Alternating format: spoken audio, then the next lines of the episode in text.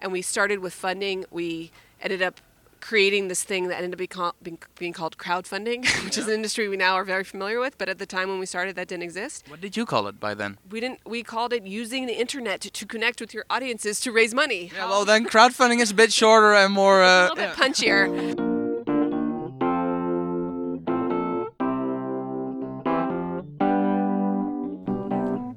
Luistert naar aflevering 101 van de Jelly Driver podcast. Met dit keer een wel heel bijzondere gast.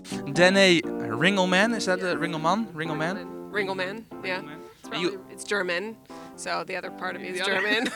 That's where the name comes from. So. Okay, so Danae Ringelmann. Yeah. R- R- Ringelmann, I, uh, I That's how presume. say it in German. Yeah. Ringelmann. Yeah. Yeah. it's Ringel- probably how it's Ringelmann. probably supposed to be said, but Ringelmann. They call me Jelly Driver, so you're the Ringelmann. Yeah. actually, in growing up, my teachers called me Ringle Woman or Ringle Person, or my best friend calls me Ringle Child. So good boom. Yeah, okay. So you are the co-founder of Indiegogo. Wow, that's uh, I'm I'm heard of it? yes I, I have actually I must say I, I I'm sharing my office with Martijn Arets and you already spoke to him. Yes. Vriend en kantoorgenoot Martijn Arets is expert als het gaat om de platformeconomie, deeleconomie en crowdfunding. Hij wilde heel graag met Dene Ringelman, de co-founder en CEO van een van de grootste crowdfund-platformen in de wereld, Indiegogo, in gesprek. En hij bedacht een list om dat voor elkaar te krijgen. And he's I met him because he tweeted at me and he said, I will run an Indiegogo campaign if you agree to meet with me, and my campaign will fund me actually coming out to San Francisco to meet with you. So I was like, sure. It was hustle to a T, and you got to reward that. So Martijn stuurde haar dus een tweet en stelde voor om naar San Francisco te vliegen om haar daar te interviewen en alle daarmee gemoeide kosten op te halen in een crowdfund-campagne via Indiegogo. Als zij dan op voorhand tenminste onder die voorwaarden akkoord zou gaan met dat interview. Nou, die campagne kwam er. Ik was een van de vele funders en de rest is history. Martijn die vloog met een cameraman naar San Francisco en interviewde haar daar. Super coole actie. Ik liep haar tegen het lijf in Amsterdam. Ja, het is een iets minder spannend verhaal, maar ook wel veel minder gedoe. Sorry Martijn. ik moet er echter wel bij zeggen dat ik ehm, zo'n twee jaar lang gedacht heb dat ik deze opname kwijt was. Maar gelukkig vond ik hem recent alsnog in een backup van een oude computer. Dus ik sprong een gat in de lucht en zo blijkt maar weer eens... Maak in vredesnaam backups van je materiaal. En dat gat in de lucht, dat sprong ik toen ik dit materiaal terugvond. Omdat ik, ja, jeetje, wat een inspirerende ondernemer is dit. Dus ik ben heel blij dat ik dit gesprek alsnog met jou kan delen. Eh, echter wel zo netjes om even op te merken dat het dus twee jaar geleden is geweest dat dit is opgenomen. Maar ik heb hem zelf net weer helemaal teruggeluisterd en de inhoud is nog steeds net zo waardevol als toen. Dene heeft een Wall Street achtergrond, maar kwam erachter dat het erg lastig is om goede ideeën gefund te krijgen. which is kind of stupid and inefficient and actually makes it really unfair. Like if you just don't have the right network, then you're out of luck. Haar ouders hadden een eigen bedrijf en kregen het niet voor elkaar om geld bij elkaar te krijgen om hun business verder uit te bouwen, waardoor ze meer dan 30 jaar moesten bootstrappen, terwijl meer groei er met funding zeker in had gezeten. That's what we're trying to change. We're trying to change the system where these random investors have unilateral power of the destiny of our company. Zo kwam ze erachter dat je netwerk, dus wie je kent, veel belangrijker was dan de kwaliteit van je idee. En vanuit die frustratie startte zij Indiegogo. En ook daarbij liep ze er tegenaan dat het knap lastig was om geld op te halen om Indiegogo te funden. We got rejected by over 90 venture capitalists or angels before we raised a dollar. Um, and I think with every rejection, it reminded us of why we exist.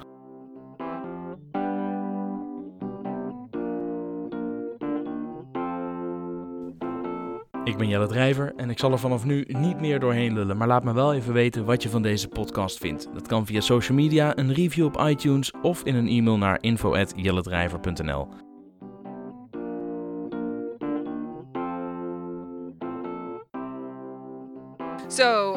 at Indiegogo, we're on a mission to unite people around the ideas that matter to them and together make those ideas come to life. So, we're if you had to put us in an industry, we would probably fall into the entrepreneur entrepreneurship empowerment industry or the collaborative entrepreneurship empowerment industry.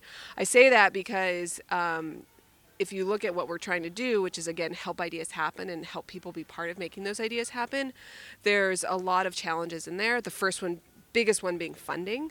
Um, and when we started, we really focused there. Um, and I actually said our, back then our mission was to democratize access to capital because we saw the number one reason why ideas went unborn every day was because they didn't know the right people. And at the time, the only way to get your idea funded was to know the right person. Don't have the right network, then you're out of luck. So, and I watched my parents struggle with that. I helped filmmakers and theater producers try to bring their projects to life, thinking I could lend my finance skills.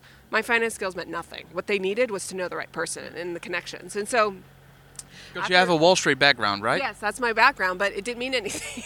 it wasn't helpful for. It wasn't helpful for actually helping people bring their ideas to life, which is a little ironic. But it it exposed how the system was broken and how really the system wasn't serving everybody. It was serving a few people, the people who happened to know the right people, but it, it just kind of incubated. I mean, we have a problem in America, the 1%. Where do you think that problem came from? You know, it's because the few kept serving the few and not allowing the, the many to be part of the the same system. So Indiegogo's changing that. We're empowering the people to help ideas come to life.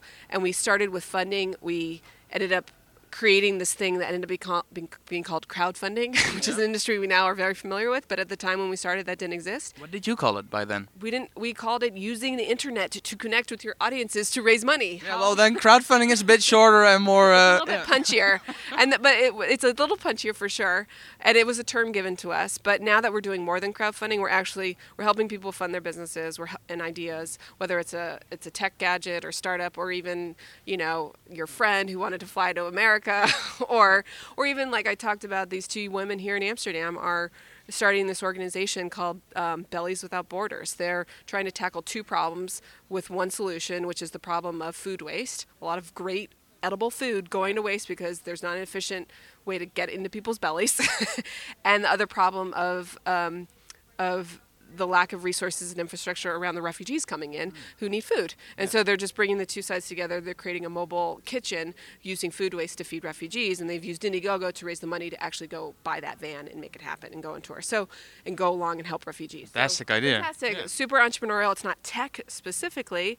Um, but it's just as entrepreneur as say the Kaiser folks who just raised four million dollars to launch their inflatable air lounge or uh, the uh, Mono, uh, bike campaign here, which I just learned about, which is amazing. They've I, am not familiar with it either. Um, so your neighbor here, right here yeah. in Amsterdam. Yeah. I think they've raised over ninety thousand dollars. They what the problem they're tackling is. Um, I mean, absolutely. The, the first impression I have when I came to Amsterdam, which I absolutely love, is how many people ride bikes. Yeah. Amazing. I'm like, how can we transport this culture to San Francisco? We need this. So Amsterdam influence us, trying. But um, with that, he, the this entrepreneur noticed that um, while everyone is riding bikes, there's not one there's no bikes that are being, being there's no longer manufacturing of those bikes here in the Netherlands. And so he wanted to bring it back wanted to bring back manufacturing. And so to do that he had to find design a system design a bike that was both durable and low maintenance and using the the infrastructure here in the Netherlands to make it. So he actually is using car manufacturing techniques to build bikes and literally making bikes that are durable and low maintenance here in the Netherlands again. And so he used Indiegogo to raise ninety thousand dollars. So there's all kinds of cool, um, cool entrepreneurs everywhere, and we're just we're helping them not just get their ideas going, just not just getting them started um, by helping them raise money, but now what we're starting to do is to help them take the next step. So within Indiegogo now, we have a product called In Demand, which after you finish raising money within your campaign, you can move into In Demand, which is similar to like a pre-sale platform. So if you're really close to shipping, you can use it as a pre-sale platform. Some people are not even doing an Indiegogo campaign; they're coming right to using it as a pre-sale platform. So again, depending upon what stage you are in a business, if you're super early or if you're super later. We have more options now. And what we're doing next is the whole point of entrepreneurship is not just to start, not just to raise money. It's to actually be successful at serving your customers and making the things that you you're trying to make and you raise money to go make. And so we're now doing a lot around partnerships to help entrepreneurs navigate the uncharted waters of manufacturing, of distribution, of actually getting your product to market. And we just ha- we've had a partnership with Brookstone, for example, which is a super um, um, it's a it's a retail pl- platform, uh, has stores across the world. Um, uh, selling gadgets and stuff, and so we've worked with them. So a lot of our entrepreneurs then graduate to them, and they help them actually make the stuff and manufacture.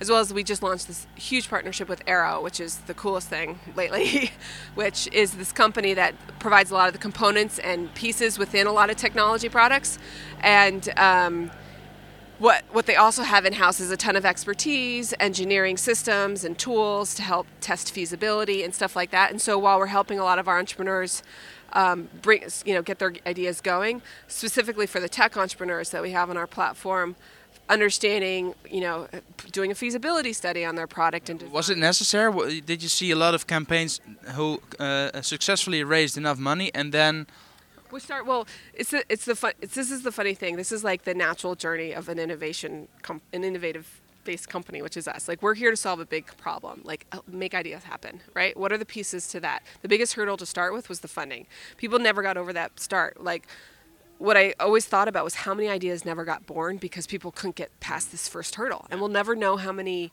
medical drugs never got invented, or how many local coffee shops never got built, or how many old businesses went out of business because they couldn't innovate. So we don't have that problem anymore because we fixed that or we're fixing that with you know with having invented crowdfunding.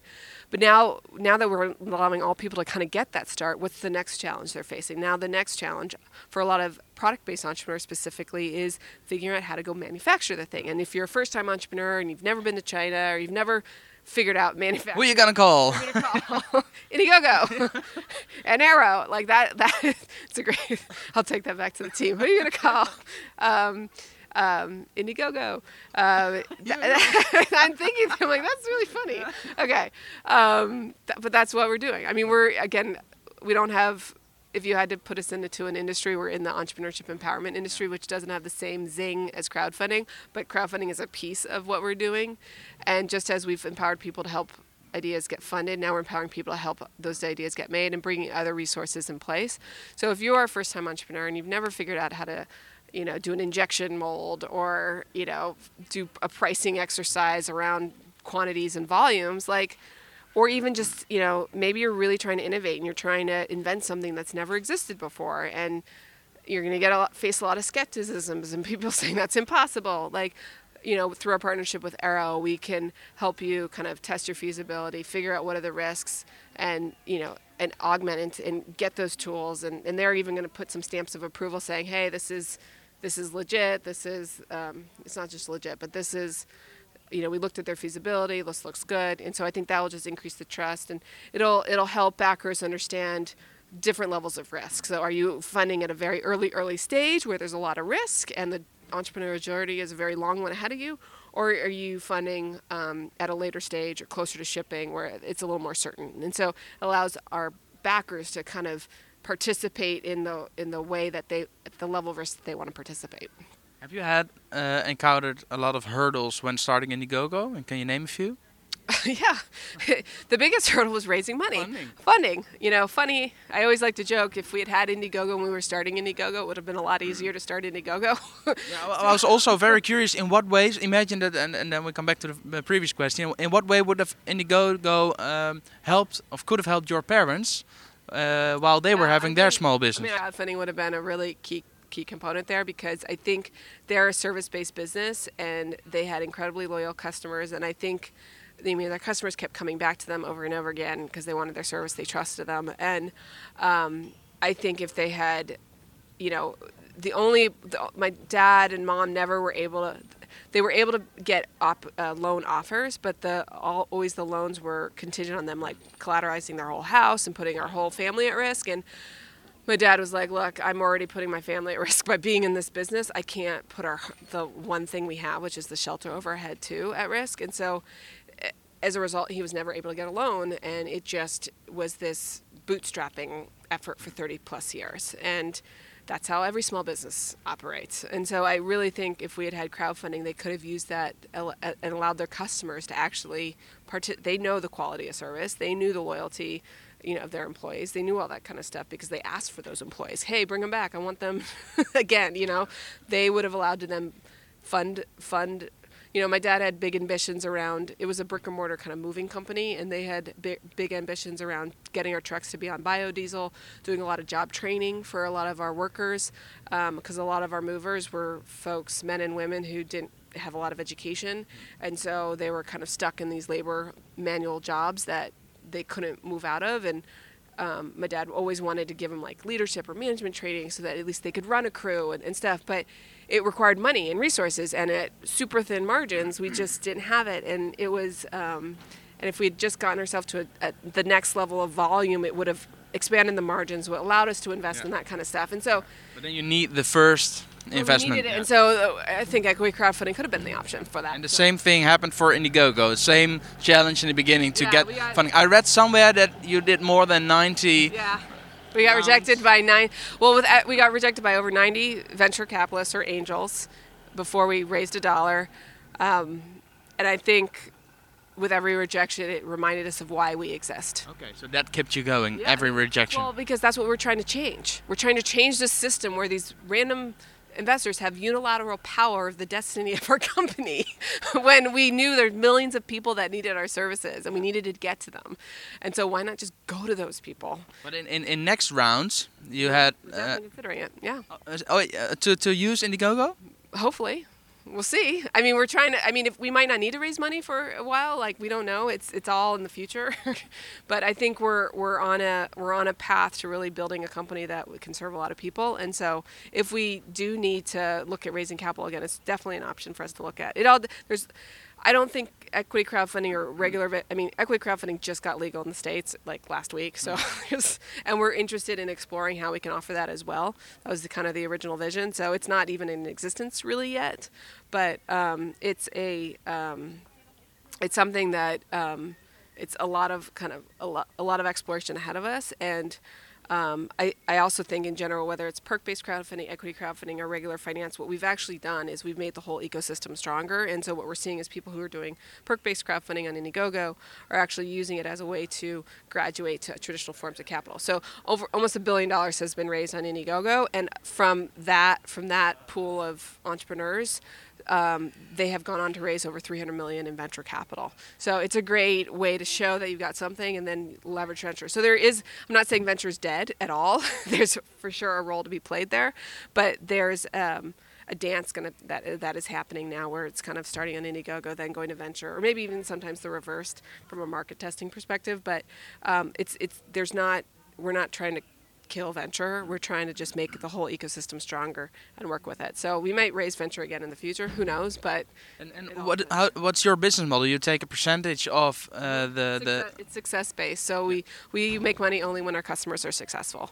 Um, I thought so it was nine percent when. Uh, five percent. In the early okay. days, we did some testing around that, and we found that when um, we offered 9%, uh, sorry, we took 4% when, when it's successful. When it's successful. Yeah. And there's testing, people actually liked that, but then the industry has evolved and mm. it, it, became more complicated, so we just went to flat 5%. Okay, because I can imagine, and I, may, I think that was the idea, that when you um, pay 9% if, it, if, if, if you don't complete, the, if you don't uh, reach the goal, or 4 when you do, mm-hmm. I can imagine that that's a really big uh, reason for entrepreneurs to really go for it because mm-hmm. it, it saves you a lot yeah, of money. Yeah, I mean that's what the early research we found and what customers were saying is they rather it's like an incentive, um, but then it what we started hearing is that people saw us as like like extra penalizing. We're like, that wasn't the purpose. So the perception shifted around that. So again, just listen to our customers.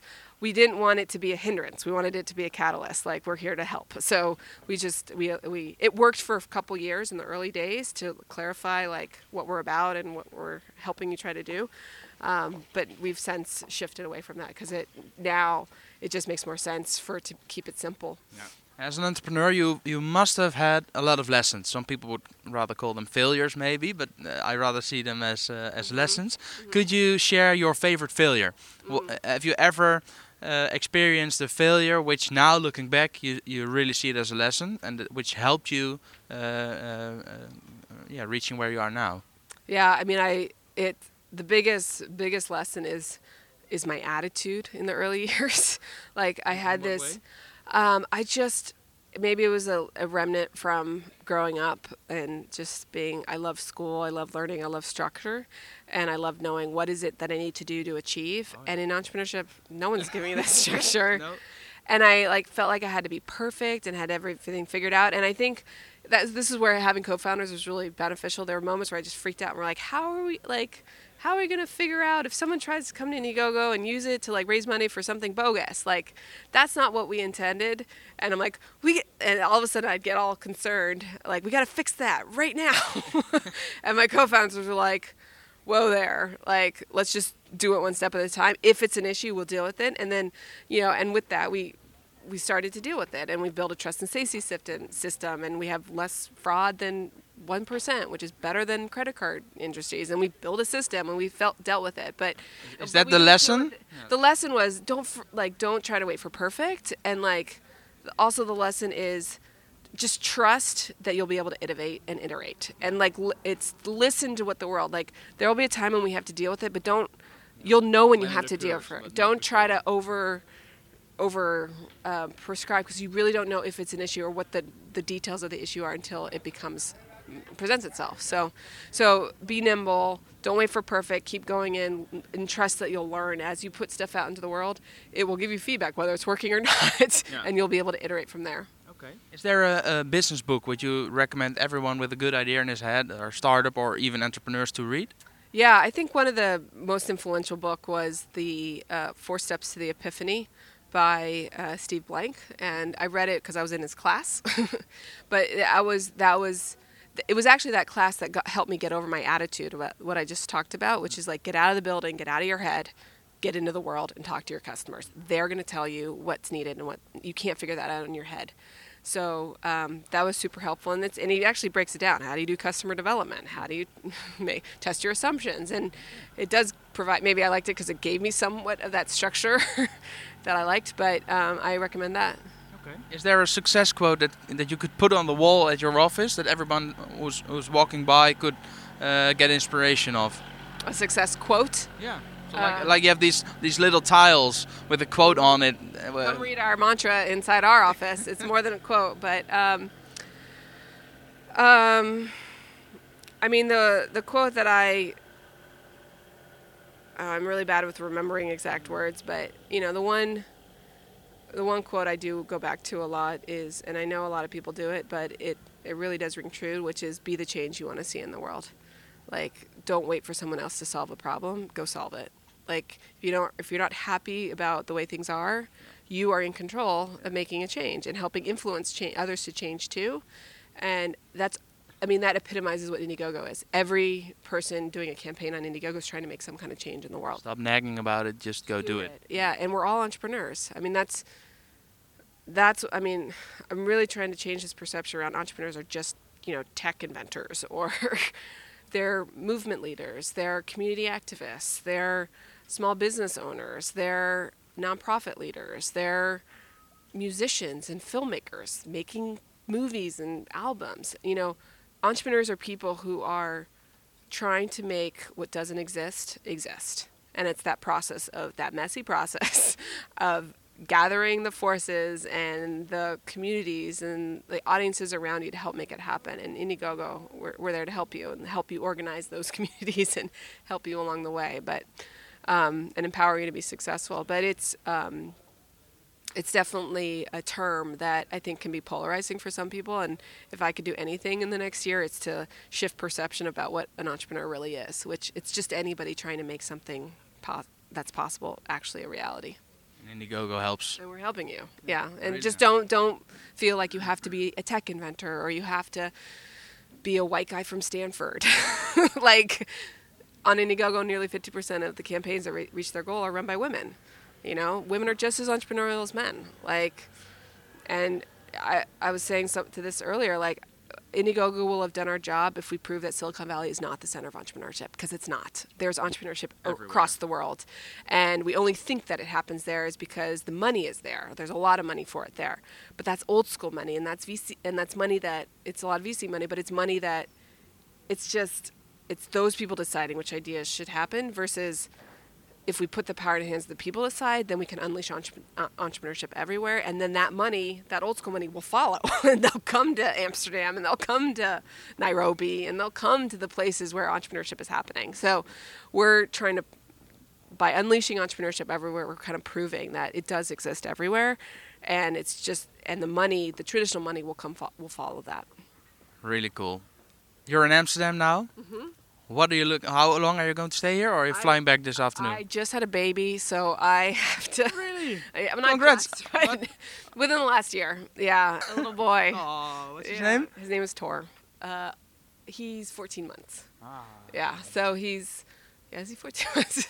I don't know at this point, but um, Yeah, we call him. He's one then. we're one. He's one. yeah, I'm still nursing and all that, so I'm pumping. I've got my pump here, uh, squeezing that in in between interviews. You know, that's what we got to do.